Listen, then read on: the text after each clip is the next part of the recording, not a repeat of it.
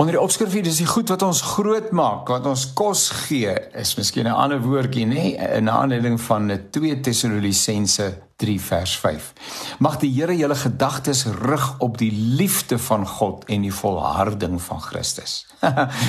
Nathaniel is volksbesit. Sy stories is oorspronklik in humoristies, maar as 'n mens fyn luister, dan hoor jy dikwels kommentaar op die samelewing en op ons In een sin uit sy eenmans vertoning klink so: Dis die goed wat ons groot maak wat ons bekruip. Dis die goed wat ons groot maak wat ons bekruip. Nou sonder om op die detail van die skreeu snaakse voordrag in te gaan en dis op die internet natuurlik te sien, jy kan maar sommer net hierdie woorde intik, jy sal daarby uitkom. Is in gesprek in die spesifieke voordrag met 'n tannie wat in 'n koor sing En sy is vol wyshede en sy vertel dat uh, dit ons is wat ons kinders windmakere groot maak en dan sit hulle op die 50ste vloer van 'n toringgebou en skielik wil hulle ons nie ken nie. Dis ons wat politici daar stel deur vir hulle te stem en dan dra hulle nie ons belange op die hart nie. Dis ons wat uh, wat uh, dit verdra dat groot inkopiesentrums gebou word waarin jy verdwaal en desperaat koop net om sin aan jou lewe te gee.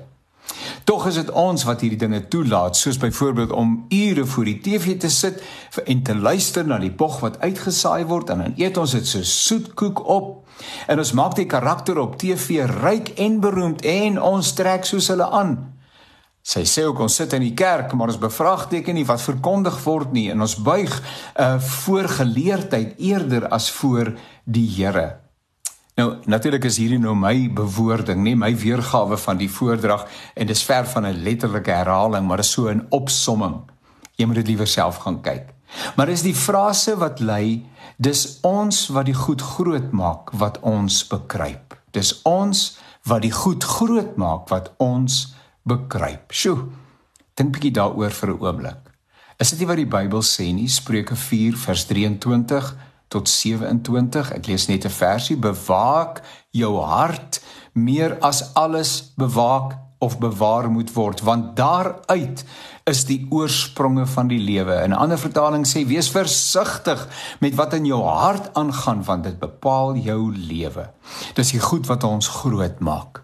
Ons vrese, ons vooroordeele, wanopvattinge, minderwaardigheid, ons kwade gevoelens, verwyte, agterdog. Dis daai goed omdat dit nie afgehandel en hanteer word nie word wat reuse word in ons lewens en ons elke dag bedreig. Die stemme in ons koppe is oorverdowend en daar is nie plek vir enigiets anders nie en ons gee gesag daaraan en ons glo dit. Ons kan dit nie meer weerstaan nie en is in slawerny, die slawerny van ons eie destruktiewe gedagtes vasgevang. Die Bybel sê in Filippense 4 vers 8: "Verder broers, alles wat waar is, alles wat edel is, alles wat reg is, alles wat rein is, alles wat mooi is, alles wat prysenswaardig is, watter deeg of lofwaardige saak dan ook al mag wees, daarop moet julle julle gedagtes rig. Dis die goed wat ons groot maak wat terugkom, nê, en ons lewens versier.